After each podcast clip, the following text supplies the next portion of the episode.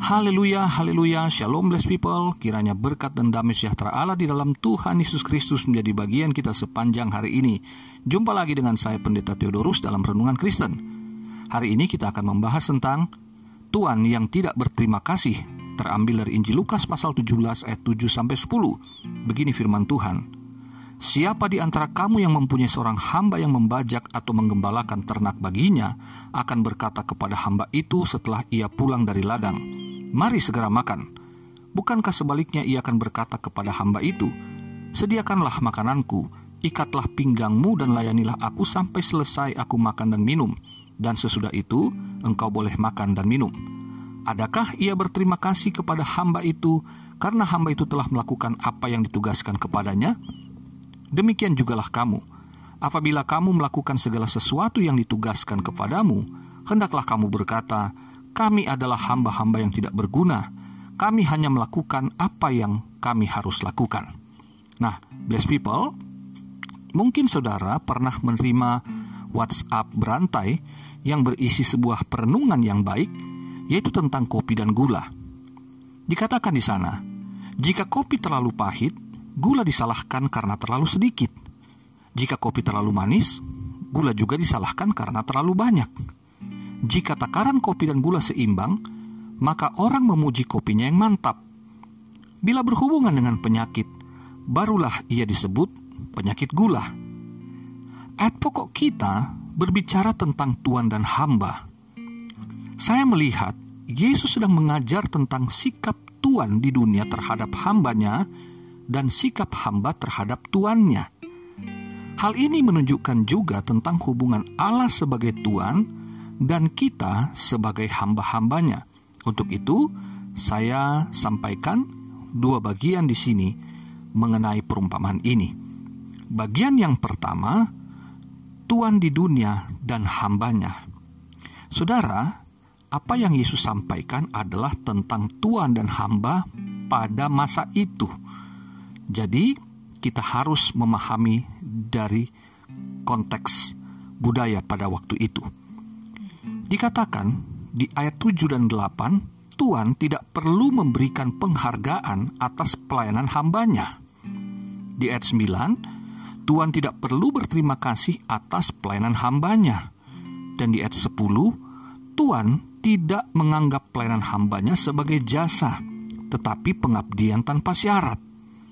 Tetapi setelah Yesus naik ke sorga, itu berbeda saudaraku. Pada waktu itu, seorang tuan tidak setara dengan hambanya dalam status sosialnya. Namun setelah Yesus naik ke sorga, dikatakan bahwa seorang tuan dan seorang hamba yang telah menjadi Kristen memiliki hak dan kewajiban yang menunjukkan kesetaraan di dalam Kristus hamba menaati tuannya dan melayaninya seperti ia sedang melayani Tuhan. Efesus 6 ayat 5 sampai 7 dan Kolose 3 22 sampai 24. Sedangkan Tuhan harus melakukan yang demikian juga kepada hambanya, yaitu dengan melayaninya tanpa ancaman, adil dan jujur. Efesus pasal 6 ayat 9 dan Kolose 4 ayat 1. Inilah penghargaan, ucapan terima kasih atas jasa hambanya jadi ada tuntutan timbal balik di dalamnya. Efesus 6 ayat 8 dan Kolose 3 ayat 24. Bagian yang kedua, Tuhan yang di sorga dan hambanya. Jelas, Kristus adalah sang Tuhan yang di sorga dan kita hambanya yang di bumi. Yesus Kristus yang kita layani dia tidak berkewajiban berterima kasih kepada kita. Mengapa? Sebab Kristus adalah Tuhan yang tidak setara dengan kita. Jadi tidak ada tuntutan timbal balik seperti Tuhan di dunia dengan hambanya tadi.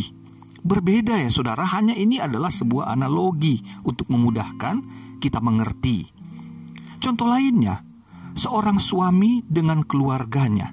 Ini adalah hubungan timbal balik tetapi Kristus tidak berterima kasih karena kitalah yang menerima kasihnya yaitu dengan kematiannya di atas kayu salib. Yohanes 3:16 dan Roma 5 ayat 6 sampai 8. Inilah kasih karunia kata Roma 3, 23 sampai 24. Dan untuk kasih karunia Allah itulah kita bersyukur 1 Korintus 1 ayat 4. Yesus, sang Tuhan dari sorga, ketika datang sebagai anak manusia, tujuannya bukan untuk dilayani, tetapi untuk melayani dan memberikan nyawanya. Matius 20 ayat 28. Inilah dasar pelayanan gereja ataupun pekerjaan sekuler kita, yaitu jika kita paham e, akan hubungan Tuhan dengan umatnya, maka kita akan mengerti juga hubungan Tuhan dan hamba dalam konteks Kristen secara keseluruhan. Jika kita tidak menuntut penghargaan, ucapan terima kasih Tuhan atas pelayanan atau pekerjaan kita, maka kita menjadi hamba yang tahu diri bahwa semua hanya oleh kasih karunia Tuhan, dan hasil pelayanan itu bukanlah jasa kita, melainkan pengabdian kita tanpa syarat.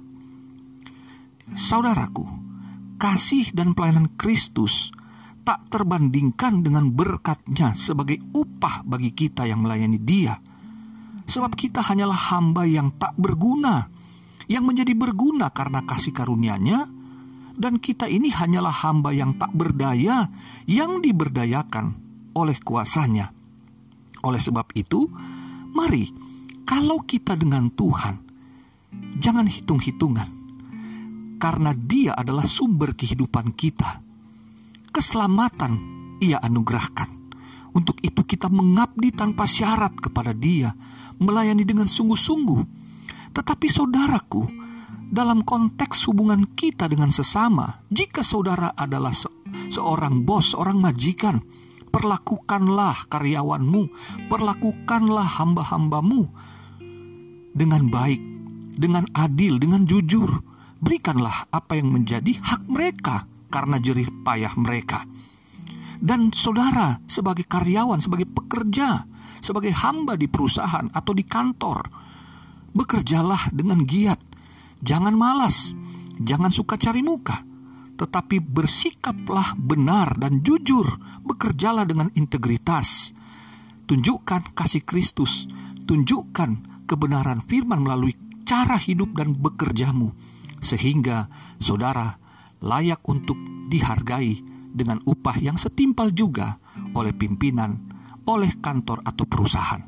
Sehingga hubungan kita dengan Allah terjaga, hubungan dengan sesama pun kita terjaga.